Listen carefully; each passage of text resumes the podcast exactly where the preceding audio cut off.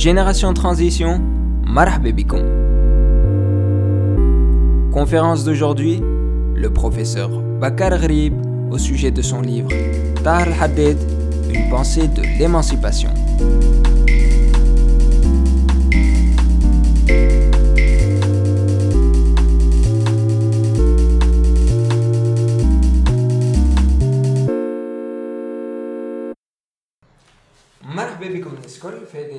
Euh, les générations de transition Gilles Aujourd'hui, nous avons la chance d'accueillir un invité de grande qualité qui, a accepté de venir nous parler euh, donc euh, d'un ouvrage très intéressant. Donc, je présente Al-Ostad Bakar Gharib, ex-doyen de la faculté des sciences juridiques, économiques et de gestion de Jandouba, professeur d'économie, auteur de plusieurs ouvrages, notamment de justement Tar Hadet, une pensée de l'émancipation dont il va pouvoir nous parler aujourd'hui. Donc nous avons 45 minutes, une heure d'intervention, suivie d'une demi-heure de euh, débat. Euh, euh, merci beaucoup, merci pour l'invitation. C'est toujours avec beaucoup de plaisir que je parle de Tahar Haddad. Donc je saisis cette occasion de parler devant ce public nombreux de mon dernier ouvrage que j'ai consacré à Tahar Haddad et que j'ai intitulé Tahar Haddad, une pensée de l'émancipation. Euh, vous allez me dire pourquoi un ouvrage sur Haddad aujourd'hui et quel intérêt.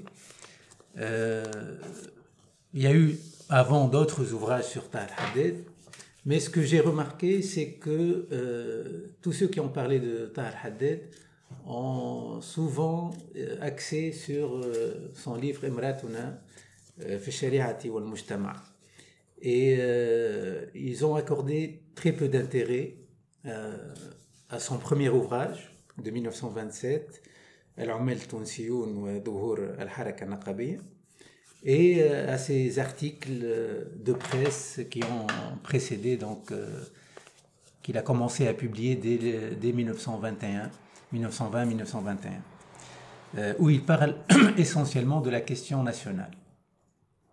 Donc j'ai voulu revoir tout ça, et je suis revenu sur l'ensemble de l'œuvre de Haddad, et finalement j'en ai conclu que ce n'est pas seulement euh, le muslah qui appelle à ouvrir de nouveau les portes de l'ijtihad euh, en islam euh, en vue de réaliser l'émancipation de la femme.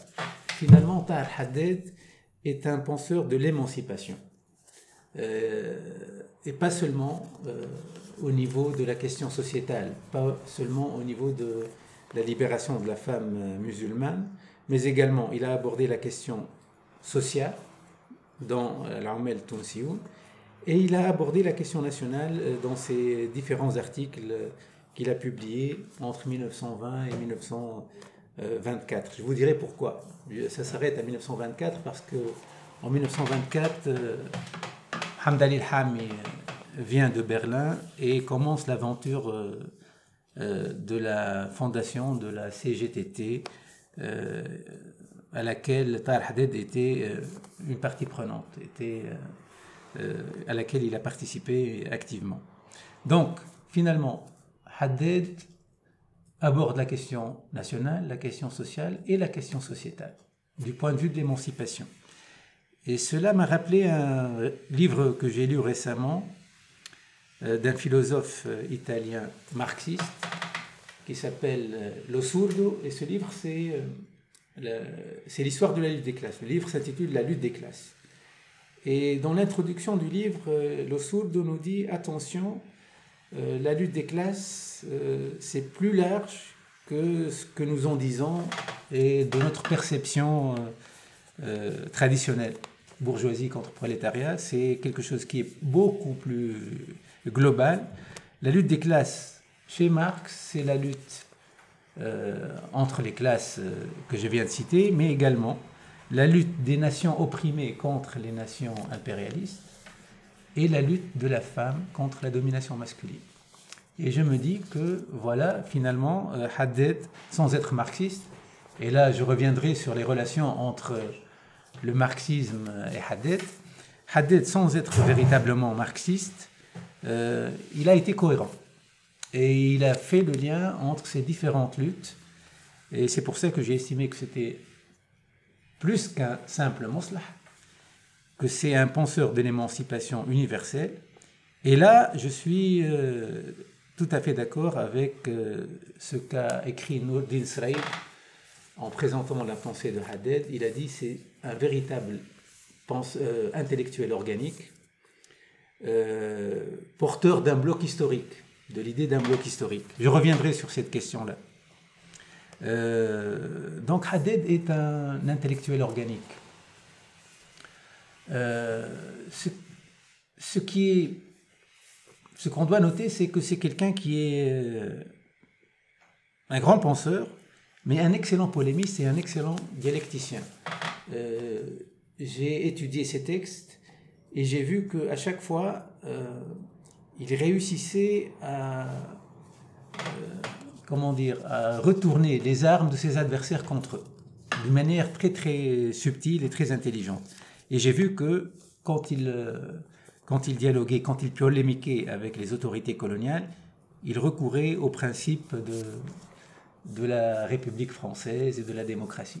Quand il se battait contre euh, les syndicalistes français, qui étaient bien sûr contre la fondation d'un syndicat tunisien, il utilisait les, euh, principes de l'unité de la classe ouvrière et de l'internationalisme. Et quand il s'est battu contre euh, les cheikhs de la, mosquée Zitouna, il a utilisé les arguments de l'islam éternel contre la charia euh, à laquelle tiennent les cheikhs de la Zitouna. Donc, un grand polémiste, un, dialecticien, mais ça, ça a posé problème. Ça a posé problème comment est-ce qu'on peut être en même temps, voilà, comment on peut utiliser en même temps l'argument d'une démocratie libérale, euh, le socialisme et le syndicalisme et l'islam? Finalement, c'est quoi l'idéologie de M. Haddad? Et euh, est-ce qu'il n'y a pas des contradictions? Est-ce qu'il n'y a pas des problèmes euh, de cohérence dans cette affaire-là? Et là, j'ai trouvé deux, euh, deux, penseurs, une philosophe et un historien, qui se sont attelés à, étudier cette question. Donc, il y a Zainab Cherni, qui a écrit un livre sur Tahar Haddad dans les années 90, et qui donne la réponse suivante. Euh, Haddad hésite entre socialisme, libéralisme et islam parce que c'est le penseur d'une petite bourgeoisie en formation. Et donc vous savez que chez les marxistes, euh, petits bourgeois, c'est quelque chose qui, qui n'est ni viande ni poisson. Hein. Et donc euh, serait un petit bourgeois, penseur d'une petite bourgeoisie en formation. Je ne suis pas vraiment d'accord avec cette lecture. Je suis plus proche de, de la lecture de Nourdin Sraib, Haddad intellectuel organique. Euh, l'autre réponse qui me semble plus intéressante, c'est celle de Nourdin Dogui. Nourdin Dogui nous dit finalement, euh, peut-être, euh, un très bel article de 2016 en arabe, Tahar al-Haddad, deux points, Mufakkar Mu'adlaj, point d'interrogation, et pour nous dire que Haddad n'est pas idéologisé dans le sens qu'il n'est pas l'homme d'un système euh, qui réfléchit à partir d'un schéma préconçu, etc. Et que finalement, il n'est. Et je suis d'accord, je pense qu'il n'est pas l'homme d'une idéologie, mais cela ne veut pas dire qu'il n'a pas de philosophie, une vision du monde. Et cette vision du monde, c'est celle que j'ai trouvée finalement, c'est une pensée de l'émancipation. Donc, euh, Comment est née cette... Euh, sincèrement, hein, quand j'ai redécouvert l'œuvre de Haddad, j'étais très, très, euh, comment dire, euh, frappé par la portée de sa pensée, par son audace, par ses avancées. Et je me suis posé la question, comment se, se fait-il qu'une pensée aussi progressiste, moderniste, soit apparue entre 1920 et 1930 à Tunis?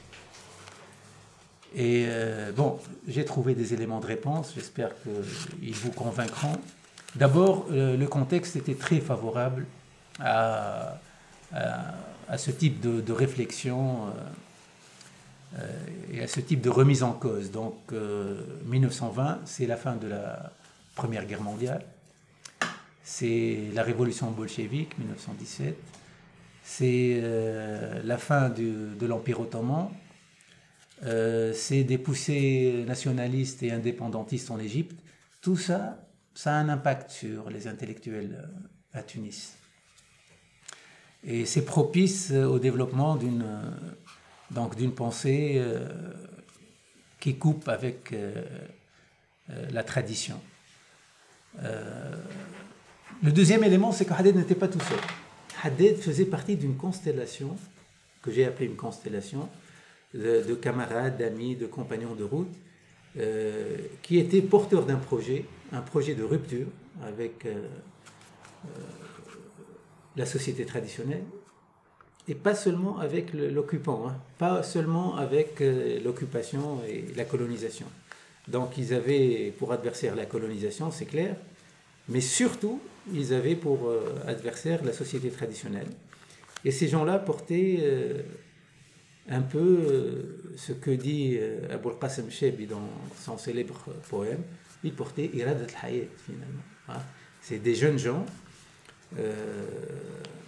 cultivés donc j'insiste sur jeunes, et euh, c'est des gens qui n'appartiennent pas aux classes euh, euh, aisées, aux classes, à la classe aristocratique. Donc Hamdali et Haddad viennent d'un petit village qui s'appelle Ham.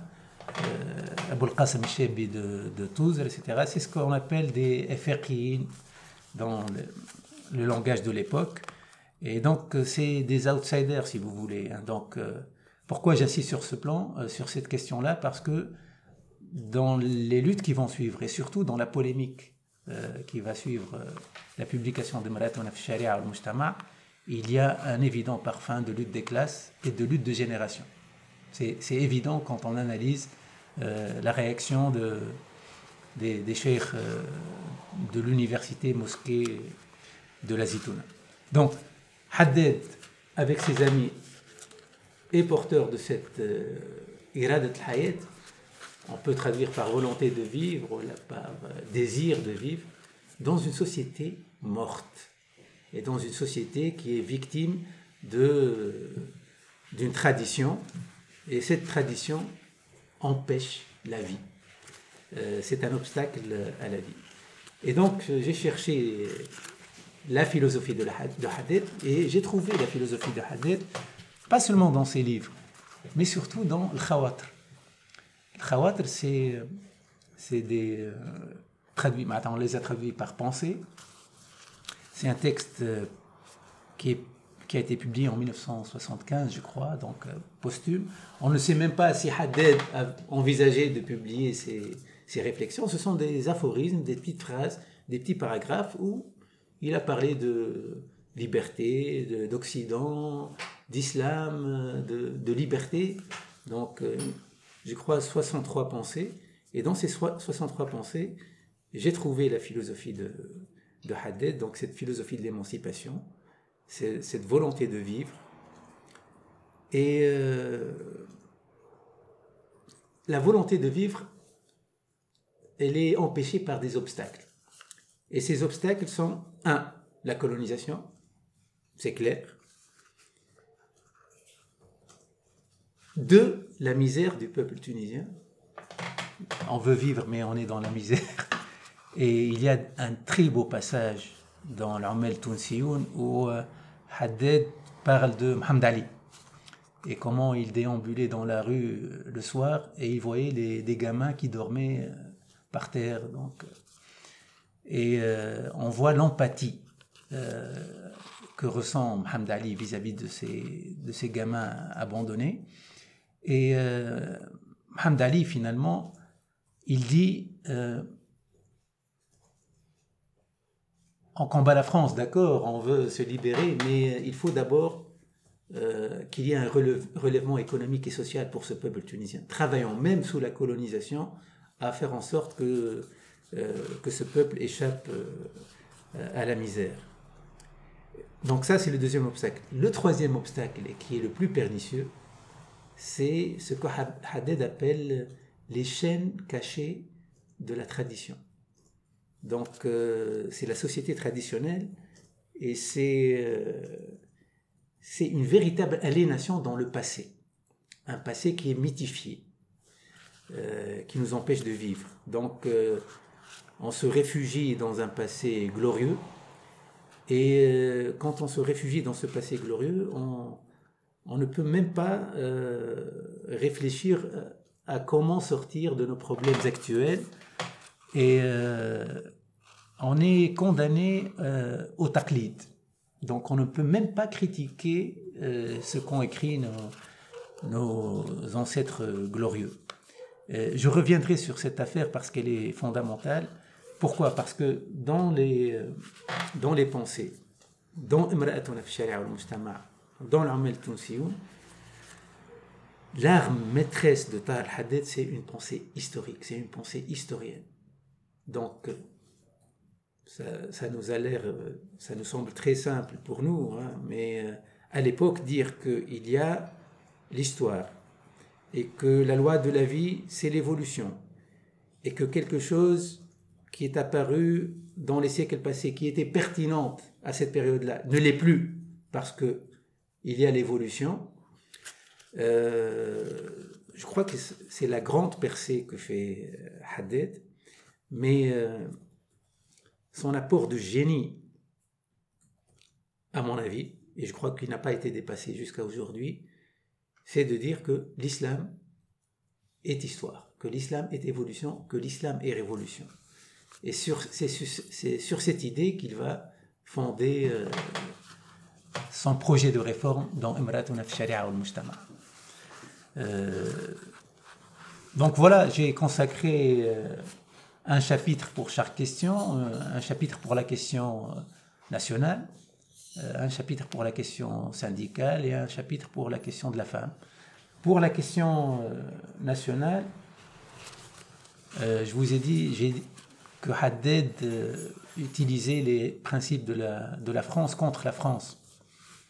Euh, mais euh, la grande, la grande polémique qui a eu lieu en 1923, donc avant l'engagement proprement syndical de, de Haddad, c'était la question de, de Tejnis, la naturalisation. Et donc il y a eu un décret en 1923 qui permettait aux Tunisiens de devenir français. Et Haddad s'est battu, mais alors là, de toutes ses forces contre cette affaire. Ce qui m'a gêné, bon, Haddad consacre trois articles à cette question. Là, je viens d'apprendre que peut-être un des articles qu'on attribue à Haddad n'est pas de Haddad, mais de son ami Ahmed Douraï, mais ça ne change pas grand-chose à l'affaire. Euh, ce qui m'a gêné dans cette affaire, c'est que euh, Haddad, à un certain moment, dit ceux qui quittent leur euh, nationalité tunisienne pour devenir français sont des apostats et des hérétiques. Ben, moi, ça, ça m'a gêné. Et donc, il faut pas faire euh, Ah, c'est un truc gênant, on le laisse de côté. Non, j'ai consacré peut-être le, paragraphe le plus long du livre à cette affaire-là. Pourquoi ça m'a gêné? Un, parce que Haddad c'est celui qui s'est battu le plus contre cette affaire de takfir. Il a un aphorisme dans les pensées où il dit dès qu'on commence le tafkir, les gens du takfir sortent pour, euh, pour nous empêcher de, réfléchir. Donc, il ne devrait pas avoir recours lui-même à, cet argument. Mais ce n'est pas le plus important. Euh, le deuxième problème, c'est que pour un penseur moderniste, lier la nationalité à la religion, ça pose problème. En principe, il devrait lier la, nationalité à la citoyenneté, tout simplement. D'autant plus qu'il affirme euh, dans, ses écrits que parmi les Tunisiens, les musulmans et les juifs, donc ce sont les deux communautés de, cette nation. donc c'est quelque chose qui, est gênant, on peut dire que c'est le contexte qui justifie cet, excès. Et c'est vrai que l'enjeu est très lourd. Euh, et c'est vrai aussi que la France, qui est laïque en France, euh, soutient l'Église euh, dans les colonies. mais bon, ma conclusion, c'est que Haddad est un penseur traditionnel. Il est un penseur traditionnel. Il a été formé à la Zitoune. Et que même s'il a fait des avancées énormes dans, la, dans, la pensée progressiste et moderniste, euh, ça ne peut pas se faire euh, aussi facilement que ça. Donc, Haddad, ma conclusion, il n'est pas laïque comme on peut l'être de nos jours. Euh, ça, c'est la première conclusion. La deuxième conclusion, euh, j'ai trouvé un article de 1928 où Haddad euh, dit que quand on vote, on vote indépendamment de notre communauté d'origine. Donc on vote musulmans et juifs parce qu'on est sous la même loi, sur un même territoire. Donc il n'y a pas de différence de communautaire. Donc je me suis dit peut-être que de 1923 à 1928, il a fait des progrès. Or, c'est pas vrai. Pourquoi? Parce qu'en 1930, et ça c'est très intéressant, quand Haddad est déclaré euh, hérétique par Tahar Ben Ashur euh, et compagnie, à la suite de la publication de Marat al Mujtama, il écrit une lettre au résident général. Bon, pour décrire un peu sa situation kafkaïen, et il lui dit maintenant que je ne suis plus tunisien parce que je ne suis plus musulman. Vous avez compris, c'est-à-dire que ça va dans les deux sens dans, dans, son esprit. Ceux les Tunisiens qui deviennent français ne sont plus musulmans, et ceux qui ne sont plus musulmans ne sont plus tunisiens. Donc, bon, euh, c'est un débat très intéressant. Euh, mais euh, la question nationale, ne se limite pas à, la polémique autour du Tejnis, de la naturalisation. La fondation de la CGTT, c'est une affaire politique et nationale. Et euh, sincèrement, euh, en découvrant ces textes-là, en, m'immergeant dans, dans, cette période, je suis épaté par ce qu'ils ont fait, ces gens-là, ces jeunes gens. Haddad, il devait avoir 25 ans à l'époque. Euh, Hamdali Qadesh, Hamdali, 10 ans de plus, un peu moins, la trentaine sûrement, pas plus. Donc, euh, fonder euh, des syndicats tunisiens en pleine colonisation et contre l'avis des syndicalistes français, c'était une affaire, sincèrement, c'est une épopée. Et donc vous savez qu'il y a tout un débat sur cette, euh, sur cette fondation, la fondation de la CGTT. Comment ça a pu se faire et, à qui revient le mérite? Bon, on a la lecture de Bourguiba. Bourguiba, en 1953, après l'assassinat de Farhat Hached, il publie dans les temps modernes euh, un article qui s'intitule Le syndicalisme tunisien de Mohamed Ali à Farhat Hached. Et Bourguiba donne l'essentiel du mérite à Ali. Et il dit, voilà, Ali a compris qu'il fallait quitter les, les locaux des partis, les cénacles, et qu'il fallait aller au contact des masses, les éduquer, les organiser, etc. Bon, en faisant l'éloge de Mohamed Ali, Bourguiba règle ses comptes avec euh, l'archéo d'Estour. Euh, bon, cette lecture, elle est rejetée. Elle est rejetée par nos camarades communistes. Pourquoi? Parce que Mohamed Ali n'est pas communiste, alors qu'on sait que Mokhtar Ayari et Finidori qui ont participé activement à cette affaire l'été. Et Bourguiba minimise le rôle des dockers de Tunis qui étaient les fers de lance donc, euh, euh, dans, dans, la fondation de la CGTT. Euh, bon, en retrouvant tout ça, moi je pense que la lecture de Bourguiba se, se tient. C'est pas parce que c'est Bourguiba qui, qui l'a développé qu'elle est, qu'il est critiquable ou qu'il faut la réfuter. Mais euh, la fondation de la CGTT, le meilleur qui en a parlé, à mon avis, c'est Abdelbek Hermessi, qui a travaillé sur le syndicalisme dans les colonies. Et il a dit, voilà, il y a un révolutionnaire professionnel, des intellectuels autour de lui qui étaient inemployés, donc Haddad, Ahmed Doraï et compagnie, et les dockers de Tunis. Mais comment s'est fait, donc, comment la mayonnaise a pris finalement? Comment des dockers ont fait confiance à des jeunes gens qui n'appartenaient pas à leur classe et qui sont venus les voir qui sont venus les voir pour fonder une mutuelle à l'origine, pas pour euh, fonder un syndicat. Et bien là, il y a une deuxième dimension qui est très intéressante, c'est que Mohamed Ali et Haddad sont originaires de Ham et la grande majorité des, dockers de Tunis étaient de Gabès. Et donc, euh, finalement, euh, euh, le processus de confiance s'est installé assez facilement. Bon, ce qui a retenu mon attention aussi dans l'histoire de la CGTT, c'est le débat qui a eu lieu entre les syndicalistes tunisiens et les syndicalistes français à l'annonce de la fondation de la CGTT. Donc, euh, je crois que c'est euh, décembre 1924. Euh, Mohamed Ali et, ses camarades annoncent la fondation de la CGTT, ce qui pose un grand problème aux syndicalistes tunisiens, aux syndicalistes français, Samhouni.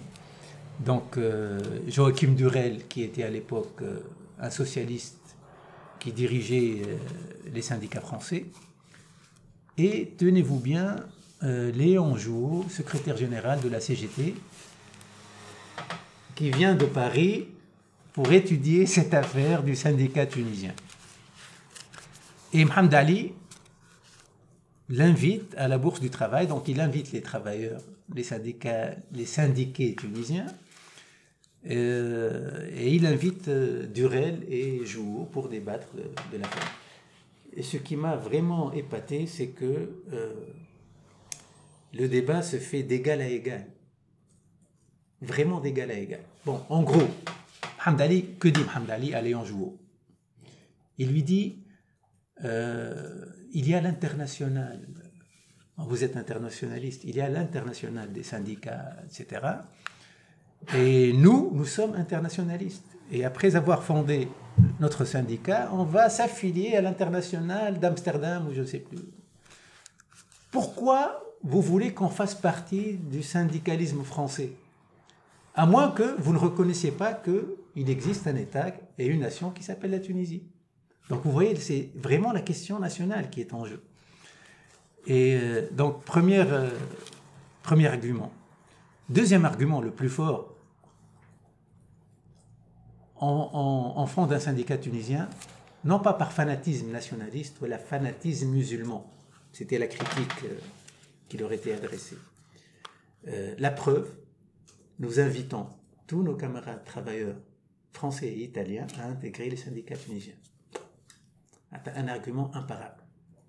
Bien sûr, ça, ça n'intéressait pas les, Français. Euh, bon, le problème, je ne l'ai pas évoqué, le problème fondamental qui a fait que les Tunisiens quittent les syndicats français, où ils se sont formés, c'est la question du tiers colonial, c'est-à-dire que les salaires euh, des, ouvriers français étaient largement supérieurs euh, à ceux des, salariés tunisiens. Et là, la réponse des, des syndicats français, des syndicalistes français, c'est vous voulez avoir les mêmes salaires, devenez français comme nous. Donc, euh, euh, quittez votre nationalité, ça s'arrangera. Euh, voilà. J'ajouterai une chose, c'est que le débat qui s'est fait à la Bourse du Travail, bon, tel que rapporté par Haddad, s'est fait dans le respect réciproque. par contre, dans les journaux, Joachim Durel a été un peu a traité les syndicalistes tunisiens avec beaucoup de morgue. Euh, euh, il leur a dit c'est pas nous qui avons besoin de vous, c'est vous qui avez besoin de nous. Et il est temps de comprendre. Ou bien vous euh, travaillez avec nous, avec les hommes d'Occident, pour votre propre progrès, ou bien vous allez euh, mourir sur le grabat de vos traditions, etc. Donc Haddad répond dans, un, dans un article où lui dit euh, finalement, euh, vous n'êtes pas de vrais internationalistes. Et pour vous, l'humanité, ça s'arrête aux frontières de l'Europe et ça n'arrive pas aux colonies. Donc vous êtes, de faux internationalistes. Bon, euh, pour ce qui est de l'Aumel Tounsioun, euh, il y a des choses importantes à dire. Euh, est-ce que est-ce que c'est seulement Haddad lui seul qui a écrit ce livre? D'où est-ce qu'il a pu tirer, lui qui est arabophone strictement, cette culture de cette connaissance précise de l'histoire du mouvement ouvrier européen tel qu'il est relaté dans l'introduction? Euh, l'utilisation de notions marxistes comme les classes, la lutte des classes, le grand capital. Euh, bon, selon Mustafa Kraim, L'Ummel Tounsioun n'est pas le livre du seul Haddad, mais c'est la synthèse des débats qu'il y a eu entre les fondateurs de la CGTT. Donc, euh, en gros, Mohamed Ali à sa trace, son empreinte, euh, l'Ayari, euh, Doraï et compagnie, d'autant plus que euh, Doraï sûrement maîtrise le français, Hammi maîtrise l'allemand sûrement. donc, Haddad fait la synthèse des débats et il fait l'histoire du mouvement. Donc, l'histoire du mouvement syndical, c'est lui qui l'écrit, c'est clair, c'est évident. Euh, bon, c'est quelque chose à avoir en tête, euh, euh, même si je viens de lire l'œuvre d'Ahmed Douraya, et il, ne dit jamais que l'Armel Tounsioun, c'est nous qui avons participé à, à, l'écrire, etc. Donc, ce, ce qui m'a interpellé d'abord, c'est la pertinence de l'analyse économique de la situation en Tunisie avant et après euh, le, la colonisation.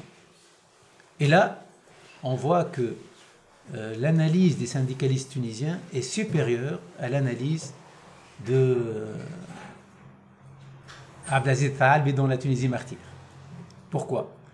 Parce que quand on lit la Tunisie martyre, on a l'impression que en Tunisie tout allait bien avant la colonisation et qu'il suffit que la France parte pour que tout devienne euh, rose. C'est pas la vie des syndicalistes, c'est pas la vie de Tahar Haddad dans l'Umel Tounsioun. On a été colonisé parce qu'on était colonisable. Euh, la Tunisie n'allait pas très bien avant la colonisation. Euh, et, je pense que le, diagnostic donc, des syndicalistes est largement supérieur et en avance rapport au, diagnostic des, politiques du, Destour, Talbi et compagnie. La deuxième chose qui m'a interpellé, c'est c'est cette introduction. Lisez-la et relisez-la.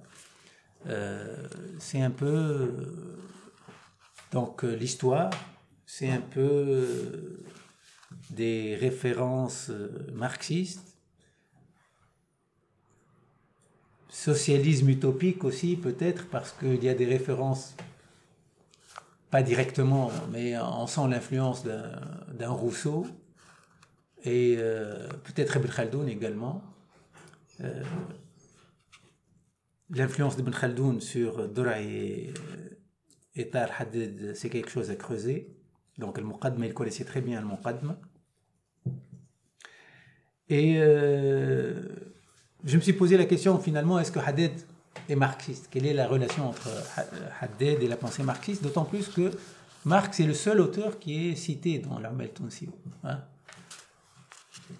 le professeur, un Allemand, le professeur Karl Marx. Et euh, ma conclusion dans le livre, c'est que euh, ne connaissait pas vraiment Marx. Donc euh, c'est quelque chose... il n'y a pas de lecture de première main. Il y a une influence marxiste, mais euh, il n'y a pas de véritable connaissance euh, de l'œuvre de Marx. bon, mais je ne suis pas d'accord avec ceux qui disent Haddad ne peut pas être marxiste parce qu'il est musulman.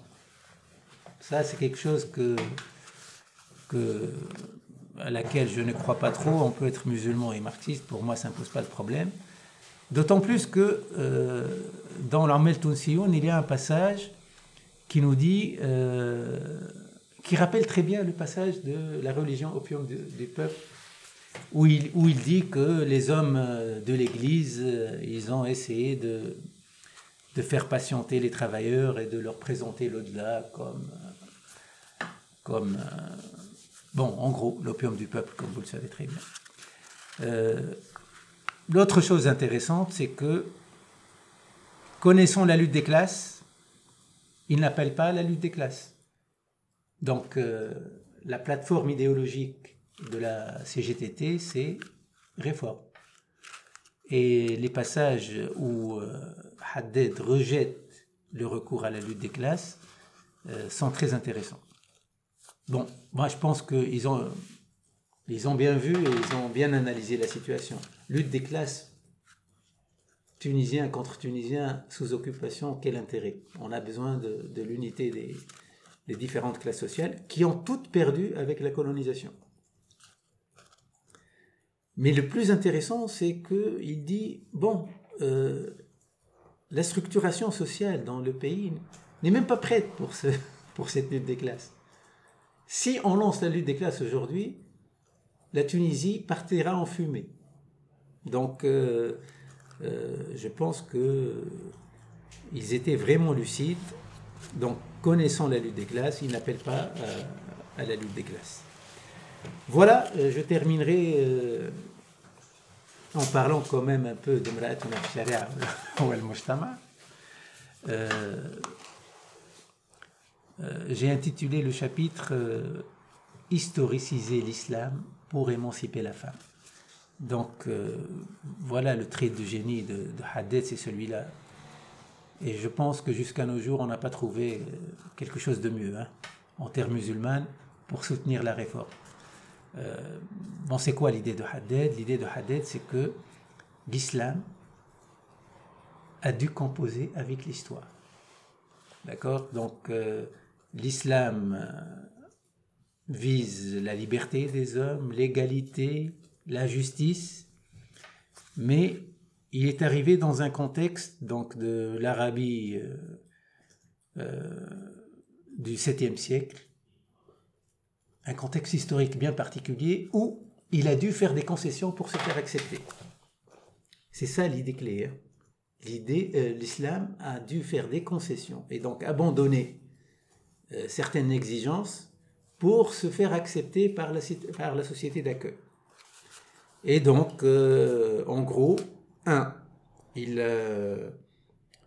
il a gardé l'esclavage alors qu'il est foncièrement contre l'esclavage, l'islam il a diminué, donc il a accepté la polygamie en la limitant, mais l'islam est contre la polygamie, c'est clair.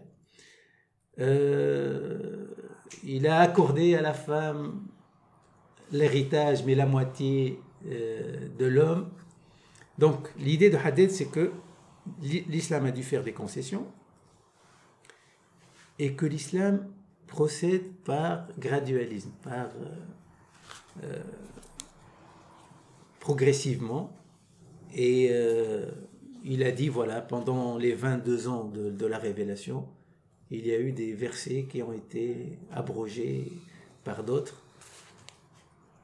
Si pendant 22 ans on a ressenti cette nécessité, que dire devant les siècles d'évolution? Et donc si la société évolue et les, mentalités évoluent de telle manière qu'on peut réaliser aujourd'hui euh, les véritables objectifs de l'islam, il faut le faire. Quitte à être en, désaccord avec le texte. Moi, avec la charia. La charia, avec Même avec le Coran. Si le Coran dit aujourd'hui on peut le dépasser. Tout en restant fidèle à l'islam, à l'esprit de l'islam. Donc c'est ça l'idée de génie, encore une fois, de Haddad. et qui soutient le projet de réforme en terre d'islam et que Bourguiba a utilisé très intelligemment en 1956 quand il a, euh, avec le, code du statut personnel. Donc, euh, euh, c'est à mon avis l'apport principal de Mrayatou Sharia al Mujtama. Il y a des choses très très intéressantes, très passionnantes. Haddad dit que l'islam c'est la révolution et que le jahiliya c'est le conservatisme et que pour lui les hommes de la mosquée Zitouna c'est jahiliya et les véritables musulmans c'est bon c'est Moussa al Ahmed et le colis aujourd'hui et ceux qui sont contre c'est euh, les hommes et les femmes de, la jahiliya euh, ça, c'est la première partie de Marathon al Mustama. La deuxième partie, c'est l'analyse de la société tunisienne, des problèmes euh, euh, vécus par la femme tunisienne. Il y a une description minutieuse de ce que j'ai appelé la domination masculine. Et euh, cette domination masculine, elle est défendue par une idéologie, cette idéologie, c'est euh, on applique l'islam et on défend l'islam. Hein. Le voile, c'est l'islam. La femme dans la maison, c'est l'islam. Euh, par des institutions, par des mécanismes, Haddad l'explique très bien. Il dit comment la femme peut se, défendre si le mari peut à tout moment la répudier. Si elle peut, s'il peut à tout moment euh, se marier avec une deuxième ou une troisième femme. structurellement, elle est en état de, de faiblesse, donc elle ne peut pas lutter. Mais même si malgré cette idéologie et malgré ces, euh, euh, ces mécanismes qui, qui l'affaiblissent, on se trouve face à une femme rebelle, il y a l'institution de Darjoued pour rééduquer les femmes euh, rebelles. bon, j'ai terminé avec la polémique de Mra'atouna et les dessous de la polémique. Et, euh, et là, on voit très bien ce que j'ai dit au début, lutte des classes et lutte de génération. Finalement, pourquoi il y a eu ce, ce tollé? C'est à Awalan, et c'est le plus important. C'est pas une affaire strictement religieuse. C'est pas Jema C'est Destour, c'est Mohadin Nakhlibi qui a alimenté euh, euh, cette cabale. Euh, Deuxièmement, le problème, c'est qui es-tu, toi, pour parler de ça? Qui es-tu? Euh, C'est ça, hein, finalement. Quel est le diplôme? Quel est ton diplôme pour parler? Et d'où viens-tu, finalement? Donc, c'est cette idée de lutte des classes et lutte de génération qui, éclaire, à mon avis, la, euh, polémique. Euh, autour des malades al Bon, voilà, euh, finalement, pour conclure, euh, s'il y a des leçons à tirer, bon, moi je dis dans le livre, hein, c'est le plus grand intellectuel tunisien du XXe siècle, et peut-être jusqu'à nos jours. Hein, euh, deux leçons. D'abord, il a résisté face à l'adversité, ce qui n'est pas le cas d'autres penseurs progressistes euh, en Égypte comme euh, Ali Abdelrazak. Donc quand l'Azhar euh, s'est fâché, ils se sont rétractés.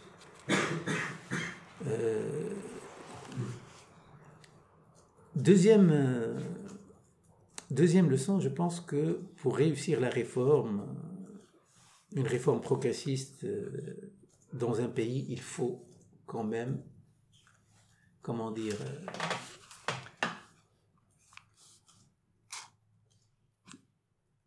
le mot me vient en italien, ambiental, c'est-à-dire il faut qu'il y ait du local dedans, hein, pour que ça, puisse marcher, que ça puisse euh, réussir. Et lui, il a très bien compris cette affaire-là. Dans euh, la fondation du syndicat et dans la lutte pour l'émancipation de la femme, il ne faut pas que euh, le projet de la réforme paraissent comme extérieurs et étrangers à la société. Il faut qu'ils naissent de la société. Et lui, il a bien compris. Donc, euh, dans ce pays, on ne peut pas faire une réforme qui paraisse comme étrangère à l'islam ou contre l'islam. Il faut, il faut que ça émane de, du legs historique, culturel euh, de la société. Voilà. Et je vous remercie pour votre attention. Merci. Euh, on passe aux questions. Euh, nous avons à peu près une demi-heure de questions. Est-ce qu'il y en a déjà On peut commencer. Euh, je, commencerai avec une question. Je vous remercie pour, pour votre intervention. Par rapport à, vous avez parlé d'une de, de, de, Madame Cherny qui a décrit donc Haddad, je cite, comme le penseur d'une petite bourgeoisie en formation. Et ce que j'aimerais savoir, c'est comment est-ce qu'elle a trouvé les arguments, comment est-ce qu'elle a, elle a dépeint, le, qu'est-ce qui lui a fait penser que l'un des principaux fondateurs de, la CGTT aurait pu être le, le penseur d'une petite bourgeoisie en formation. C'est que j'imagine derrière, il y a des, arguments. Oui, il y a derrière des arguments. Euh, bon, moi j'ai dit euh, dans le livre, malheureusement, on a une réception euh, partielle et donc partielle de l'œuvre de Haddad. Partielle, donc partielle, c'est c'est le penseur de l'émancipation de la femme. Et la question sociale, elle passe à la trappe. La réception de l'œuvre de Haddad, c'est pas son problème à lui, c'est pas sa faute, c'est nous. C'est quelle est l'idéologie des élites en Tunisie de 1950 à nos jours? Et je comprends très bien que euh, Bourguiba, des bourguibistes, euh, des destouriens, quoique à un certain moment le destour était vraiment de gauche, hein, aient axé sur la libération et l'émancipation de la femme et, et euh, minimiser l'apport social de, la pensée de, de Tahal Haddad mais pas seulement les destouriens. Moi, je pense que c'est aussi la faute des marxistes tunisiens. Les marxistes tunisiens n'ont pas reconnu Haddad comme un des leurs, comme un penseur de gauche, alors qu'il était vraiment. Pourquoi? Parce que, voilà, il n'est pas marxiste, parce qu'il euh, il n'appelle pas à la lutte des classes, parce qu'il n'appelle pas à la révolution, il est réformiste, euh, parce qu'il dit il faut que ça parte de l'islam, donc ça pose problème. Euh, donc moi je pense que c'est... Euh, bon, je ne sais pas si maintenant si on parle avec Madame Zainab Cherni, plus de 20 ans après l'apparition de ce livre, moi je pense que à chaque fois qu'elle parle du livre, elle n'est pas très contente. Donc je pense qu'elle-même, elle a évolué. Je, ne pense pas qu'elle va redire aujourd'hui penseur d'une petite bourgeoisie en formation. Euh, donc elle a ses arguments, mais c'est le marxisme orthodoxe qui, qui, qui, a fait en sorte que euh, on n'a pas reconnu Haddad comme l'un des nôtres, hein, les marxistes. Alors que c'est un penseur progressiste, de gauche, euh, incontestablement. D'ailleurs, il, parle du socialisme, hein, avant même l'arrivée de Mohamed Ali Ce C'est pas seulement Mohamed Ali qui vient de Berlin et qui leur parle de, ce qu'il a vécu euh, entre 1919 et 1924. C'est, c'est quelque chose de magnifique ce qu'il a vécu à Berlin. Donc les, la révolution spartakiste, etc. etc. Euh, donc euh, Haddad parle du socialisme avant même l'arrivée de, de, de Ali. voilà, moi je pense que on est en train de commencer à connaître Haddad. Donc je suis sûr qu'il aura d'autres euh, contributions et que euh, des choses remonteront à la surface et que on va dépasser cette histoire de Haddad, Muslah, Mujtahid, c'est plus large que ça. C'est noté. Euh, la question que je me pose, c'est. Euh, D'abord, merci pour l'intervention. Mais la question que je me pose, c'est l'actualité de la, de la question religieuse, et dans, dans le sens où, euh, dans l'intérêt des travailleurs, est-ce qu'on ne reviendrait pas à une bonne vieille lutte des classes euh, matérialistes et, et laisser la religion dans, la, dans la conscience de chacun? Oui, ça c'est une autre. pourquoi, pourquoi reparler de ça aujourd'hui? Bon, ça c'est c'est la pensée d'un d'un monsieur qui a écrit entre 1920 et 1933. 1933, c'est le Khawat, qui n'était peut-être pas destiné à la publication. Euh,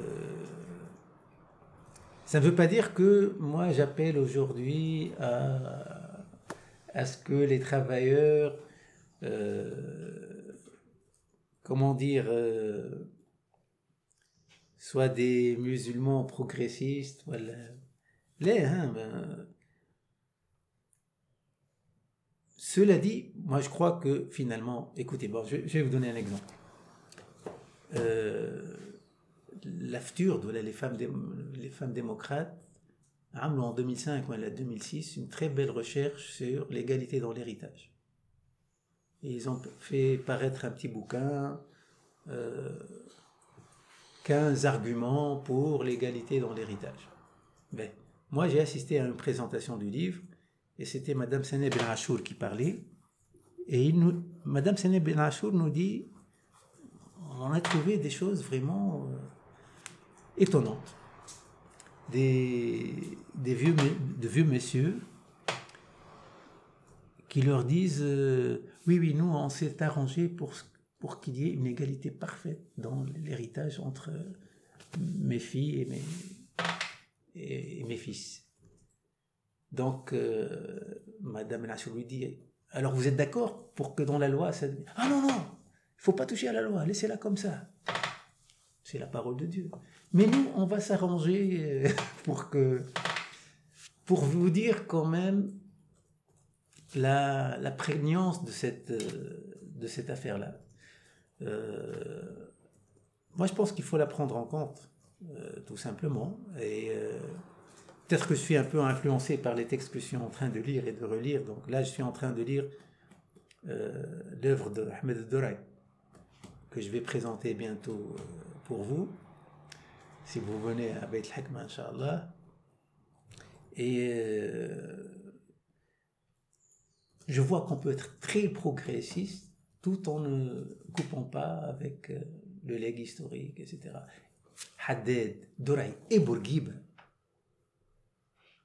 sont admiratifs d'Atatürk, mais ils disent qu'il s'est trompé.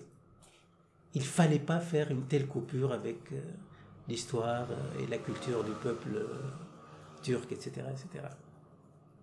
Donc, bon, si vous voulez, ils sont plus, ils ont été plus politiques ou la plus, ils ont accordé plus d'importance au poids de l'histoire. Bon, on est en 2019, donc ça ne se pose pas de la même manière. Hein. Les questions ne se posent pas de la même manière. Revenir à une bonne vieille lutte des classes dans les règles de l'art, bon, ça, ça pose d'autres problèmes. Parce que ceux qui ont fait la révolution, est-ce que c'est des travailleurs? Est-ce que c'est le prolétariat? Euh, est-ce que l'UGTT, qui est le descendant direct de la CGTT, euh, incarne euh, les intérêts des chômeurs, des régions de l'intérieur, etc. Donc il y a des problèmes à, approfondir, il y a des questions à approfondir.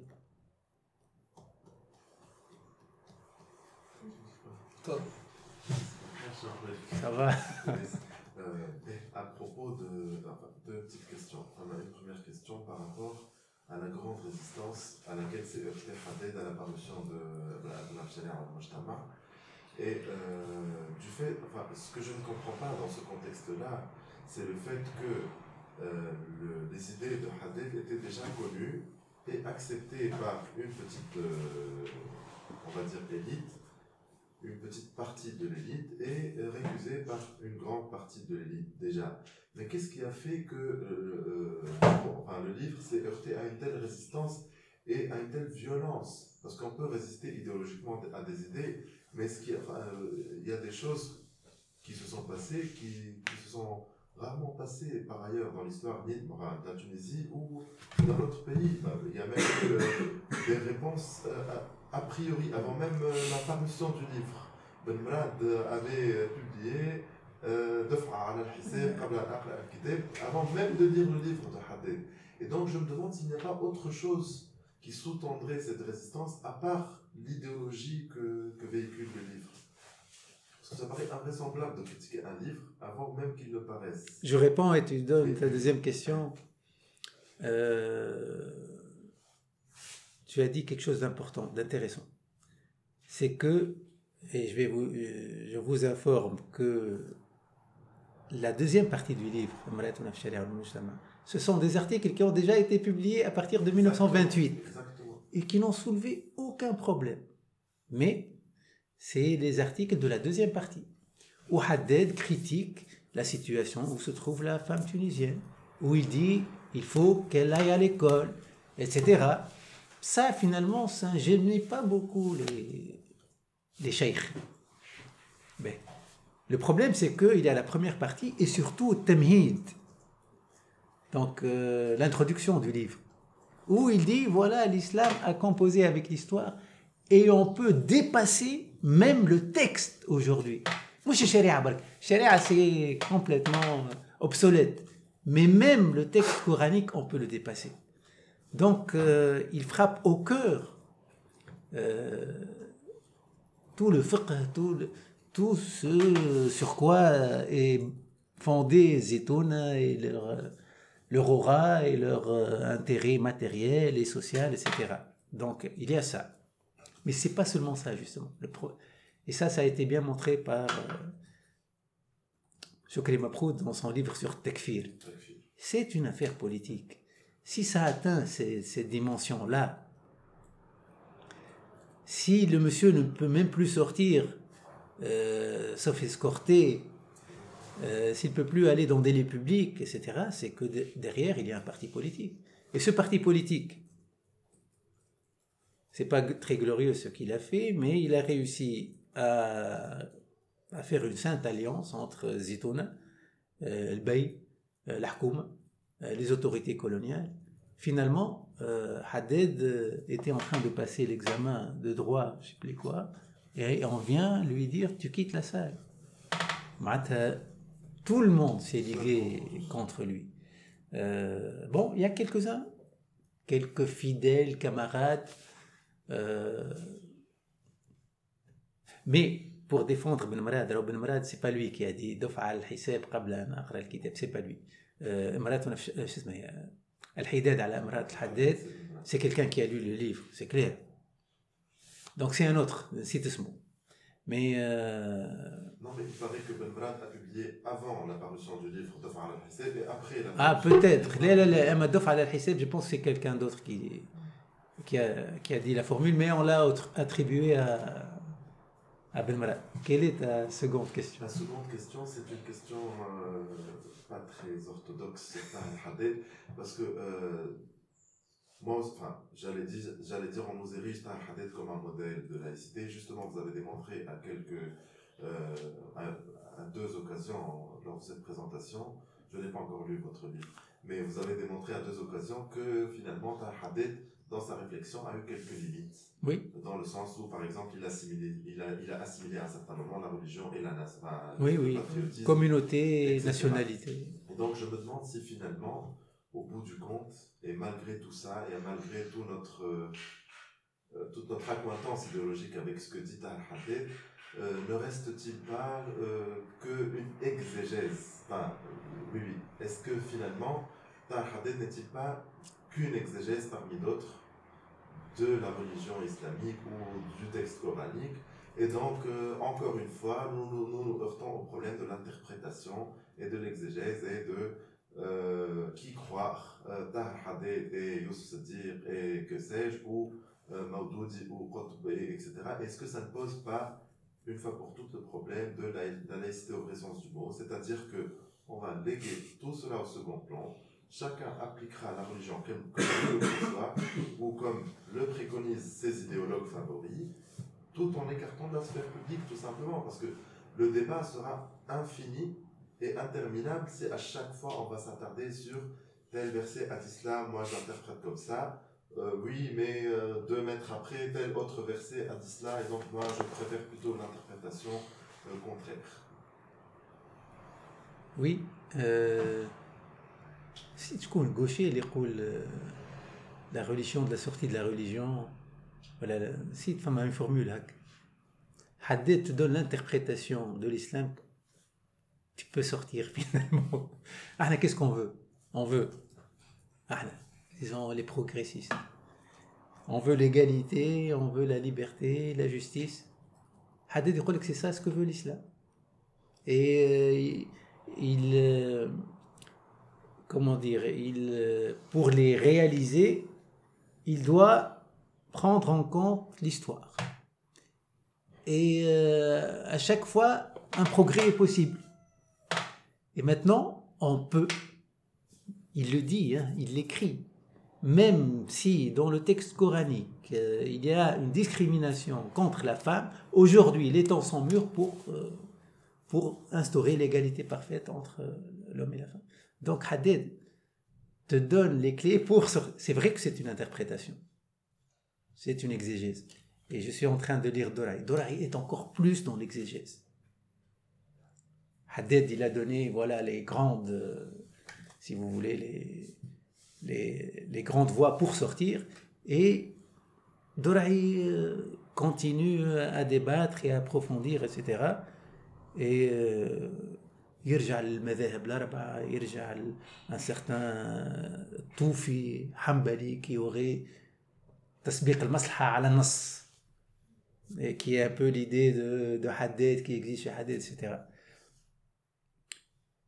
On peut, théoriquement, on peut faire ce que tu proposes. Finalement, dire euh, il y a les principes universels que nous partageons tous et on peut défendre notre système politique ou économique à partir de ces principes. Oui. Mais est-ce que ça va marcher? Justement, donc peut-être que en terre d'islam, ce n'est pas encore. Euh... Quand tu lis Mohamed Sharfi dans Islam et liberté, c'est clair la seule voie pour les progressistes de s'imposer en terre d'islam, c'est cette idée d'historiciser l'islam. Et de dire qu'on n'a pas de problème avec l'islam. Oui, mais on a l'impression que toutes les tentatives d'historicisation, même actuelles, hein, telles que dire ou même Hela Wardi, qui, dans, enfin, ce qu'elle fait, c'est un peu d'historicisation. Euh, ça ne marche pas. L'historicisation, c'est. L'historicisation, c'est de dire, voilà, il n'y a pas l'islam en dehors de l'histoire, il y a un islam qui est venu au 7e siècle, en Arabie, qui a dû composer et qui peut évoluer. Exactement. Bon, El Awad, il est en train de, de parler des califes. Et... Elle est en train de recontextualiser plusieurs hmm. éléments pour en gros dire qu'il n'est peut-être pas si opportun d'appliquer tel précepte tel que. Oui, mais indirectement, on peut tirer ces, ces conclusions-là. C'est une lecture romancée de l'histoire. Oui, romancée, la manière est romancée. Mais je me demande, même ça, ça se, enfin, ça se heurte à une résistance, ça aussi, cette manière-là euh, de traiter, d'essayer de, de créer une certaine distance par rapport à certains préceptes de l'islam. Ça aussi, on n'y arrive pas trop. Peut-être peut-être parce que finalement, ou bien euh, sur la scène politique, ou bien on a des islamistes, donc des conservateurs euh, qui sont pas prêts à, aller dans cette démarche euh, haddadienne, ou bien on est dans euh, dans des dans la position des, des progressistes qui finalement tirent leur idéologie de, des principes universaux universels. Il n'y a pas de profil Haddad, Doraï, hein? Voilà. j'ai une autre, euh, une autre vision de la chose. On peut être socialiste sans être euh, laïque. Et euh, là, l'histoire nous montre que beaucoup de religieux ont préféré rejoindre les classes, disons, révolutionnaires, classes défavorisées, que de rester, alors qu'ils faisaient partie du système dominant, etc. Et tout. Que ce soit lors de la Révolution française où le bas clergé a rejoint la bourgeoisie et les classes populaires, Euh, chez nous, En Amérique latine, mais surtout en Amérique latine. En Amérique latine, il y a eu les- le, pas seulement le bas clergé, il y a eu des cardinaux, des évêques. Ah, le sommet de la hiérarchie de l'Église catholique en Amérique latine qui a rejoint les luttes marxistes et les guerriers marxistes. La question, en fait, opposer religion et socialisme au sens large, n'a jamais, c'est pas une bonne, euh, au final, c'est pas une bonne approche. Euh, les deux grandes religions majoritaires, l'islam et la chrétienté, comportent en elles-mêmes une certaine vision humaniste et si on essaie d'écraser cet, humanisme, ben, on va pas réussir à faire une, euh, une synthèse. À titre d'exemple, parce que le cas de Tahir Haddad n'est pas le seul cas dans le monde islamique où il y a un religieux voilà, un non-urbané, on va dire, hein, qui va s'engager dans des questions sociales et tout. Il y a les cas des imams euh, du Soudan, les imams, euh, ce qu'on appelait les imams rouges. C'est des imams prédicateurs du Parti communiste soudanais et qui faisait des prédications et qui parlait de socialisme et maintenant dans le prêche du vendredi. C'est pas une question aussi.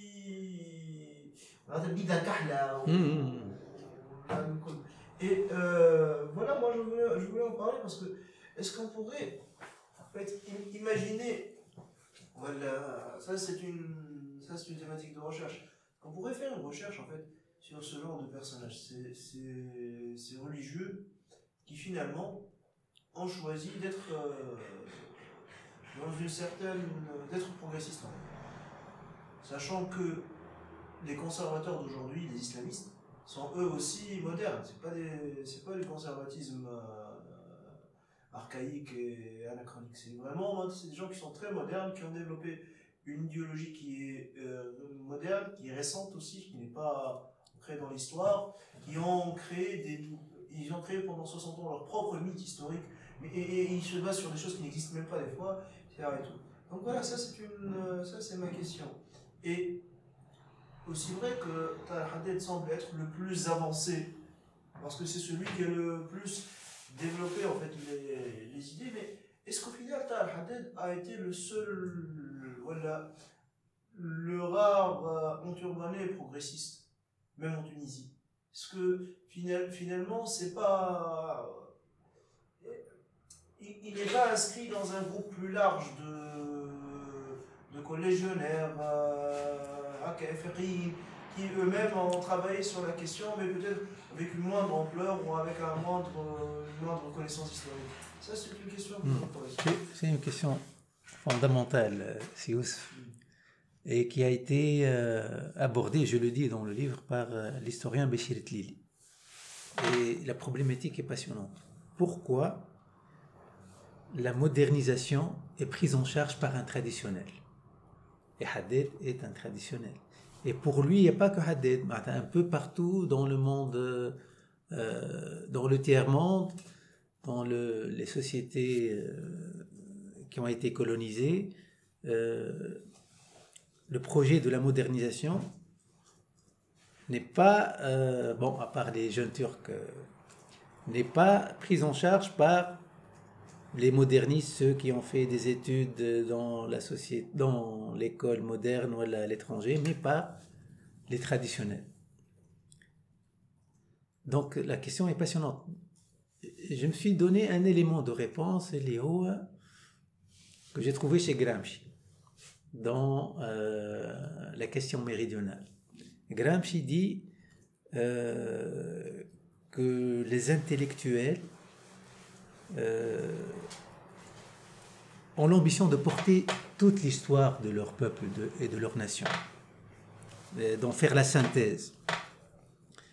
Et donc on ne peut pas leur demander du jour au lendemain d'abandonner ça et d'aller sur un autre terrain, aussi pertinent soit-il, hein, un autre terrain idéologique. Donc, euh, et ça ne marchera pas.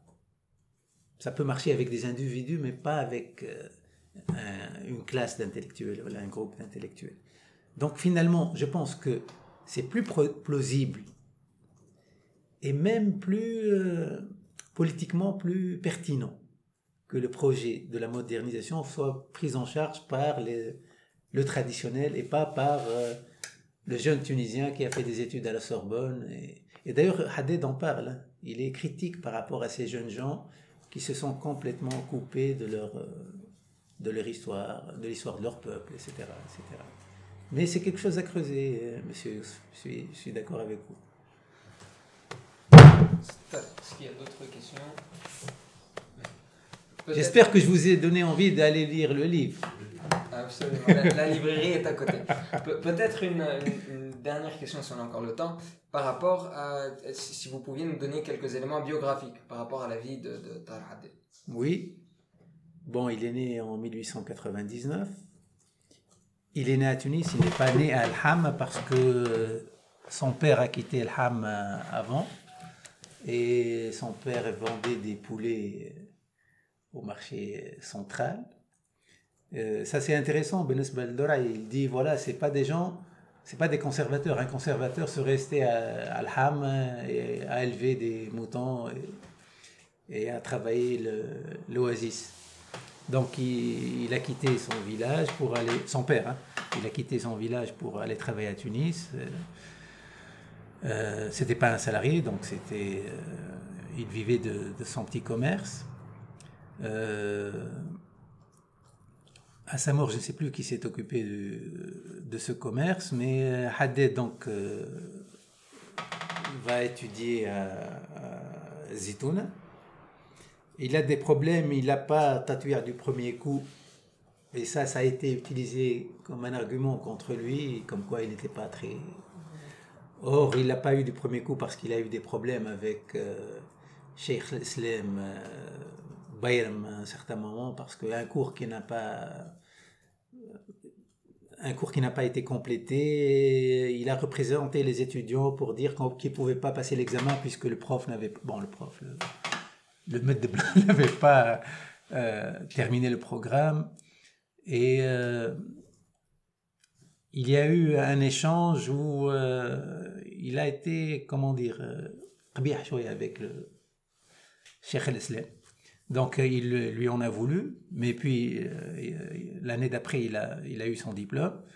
en 1920, il est parmi les, premiers à intégrer le parti Destour. Donc, fondé par Thalbi, euh, Abdelaziz Thalbi. Euh, il est chargé de la propagande parce que Thalbi a très, vu, a très bien vu, très vite vu les qualités de polémiste euh, de Haddad. Et il avait de bons rapports avec lui. La preuve, c'est que quand il s'apprêtait à quitter le pays, en 1924, je crois, pour aller en Orient, euh, Haddad va l'accompagner sur le quai et il lui dit euh, Je te confie la Tunisie. Monsik, Monsik à la Tunis. Il ne l'a pas dit à d'autres jeunes gens, il l'a dit euh, à Haddad. Euh, donc voilà, 1924, euh, c'est l'arrivée de Mohamed Ali et c'est l'aventure syndicale qui se termine très mal parce que les leaders syndicaux, Mohamed Ali et Jean-Paul Finidori, euh, sont condamnés pour euh, complot contre la sûreté de l'État à 10 ans de bannissement de tout territoire français. Euh, les autres, c'est 5 ans de bannissement. Hein, un certain Ranouchi, j'ai oublié les noms des autres leaders syndicaux. En tout cas, Haddad n'était pas, faisait pas partie des leaders euh, condamnés. Et d'ailleurs, c'est lui qui a succédé à Mohamed Ali. Mais finalement, la CGT est morte euh, euh, tout juste avec euh, ce procès. Morte parce que euh, lâchée par le Dessour. hein. Ça, il faut pas l'oublier.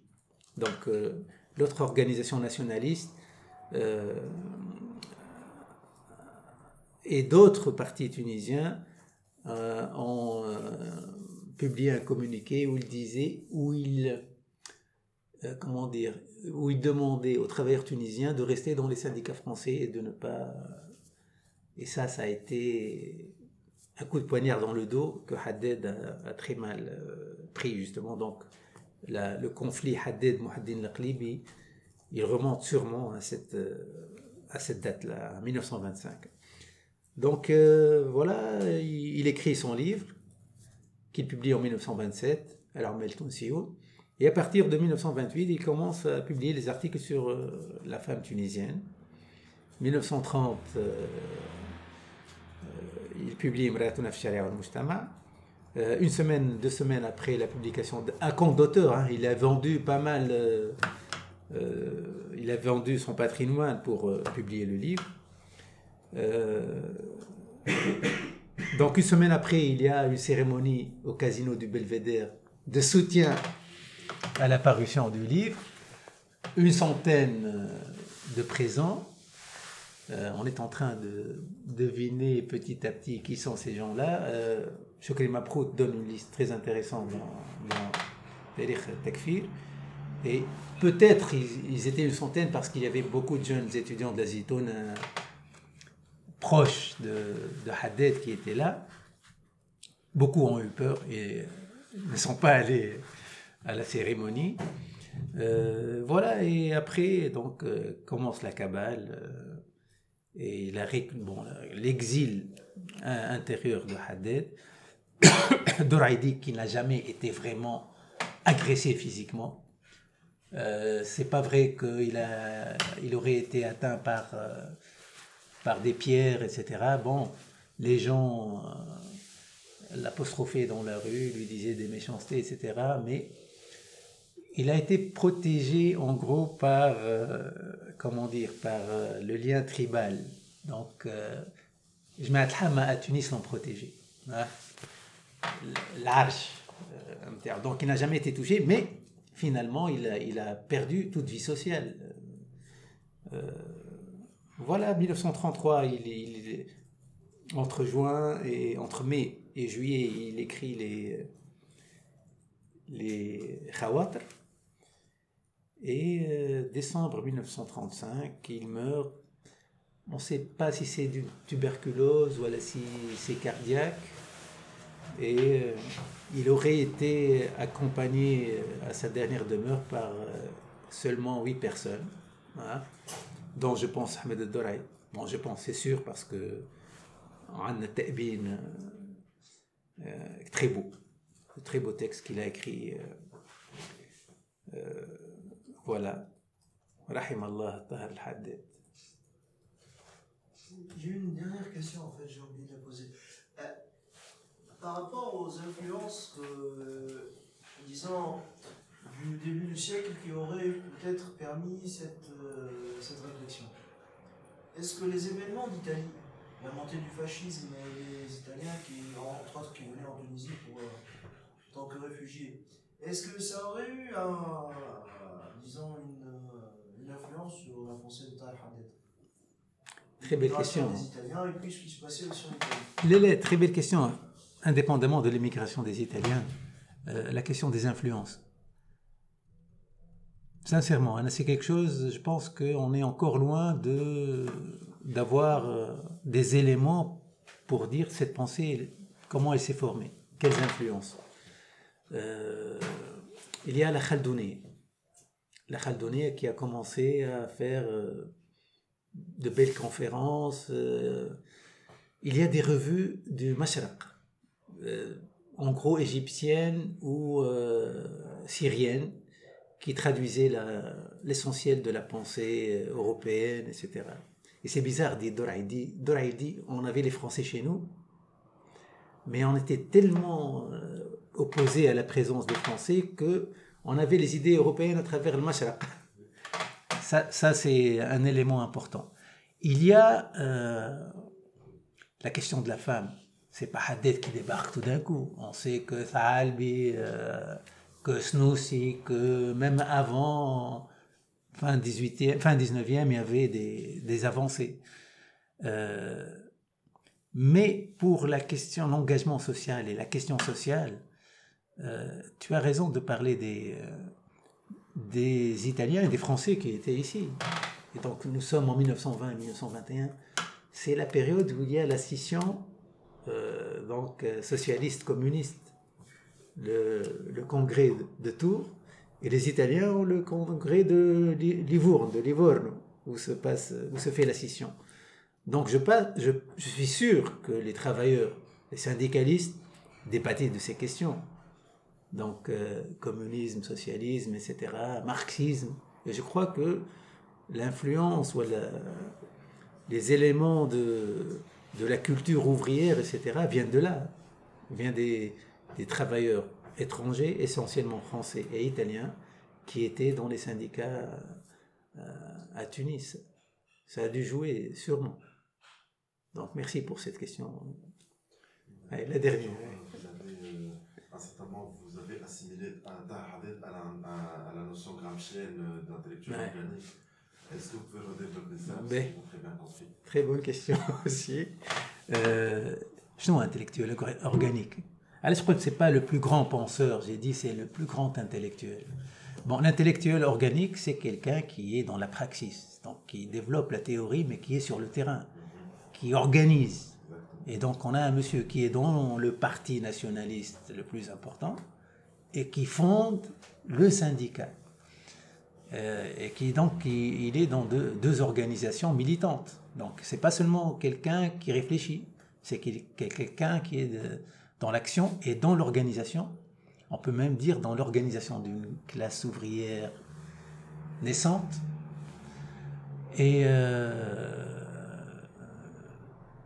ça me rappelle l'idée de bloc historique. C'est- C'est-à-dire que finalement, il aurait pu faire, en Tunisie, on aurait pu faire la jonction petite bourgeoisie euh, éduquée, euh, les, artisans, les, les petits intellectuels euh, autour de Zitouna, etc. Et classe ouvrière. On aurait pu faire cette jonction dès 1925. Donc CGTT, Destour. Mais ça n'a pas marché. Et Doraï, dans, dans ses écrits, dit Mouhaddin Qlibi, et pas seulement, nous a fait, perdre beaucoup de temps. Et c'est vrai, parce que finalement, ce que n'ont pas réussi CGTT et Arcade a été réussi plus tard, 20 ans plus tard, avec UGTT, Néo Destour, et le bloc historique, donc petite bourgeoisie, euh, classe ouvrière, a vu le jour et, et c'est le bloc historique euh, qui est là depuis quelque temps hein,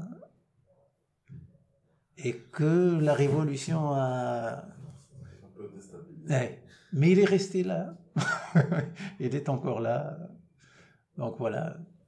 Espérons, on parlait des influences, espérons que ce podcast Génération Transition, que votre intervention pourra peut-être inspirer le prochain intellectuel, les prochains Et, et intellectuels. vos, et vos auditeurs. Et nos Euh, auditeurs, absolument, parmi lesquels se trouve certainement un prochain grand intellectuel tunisien. On vous remercie. Merci, Merci beaucoup. pour votre intervention. Merci à vous. Shukran, Merci.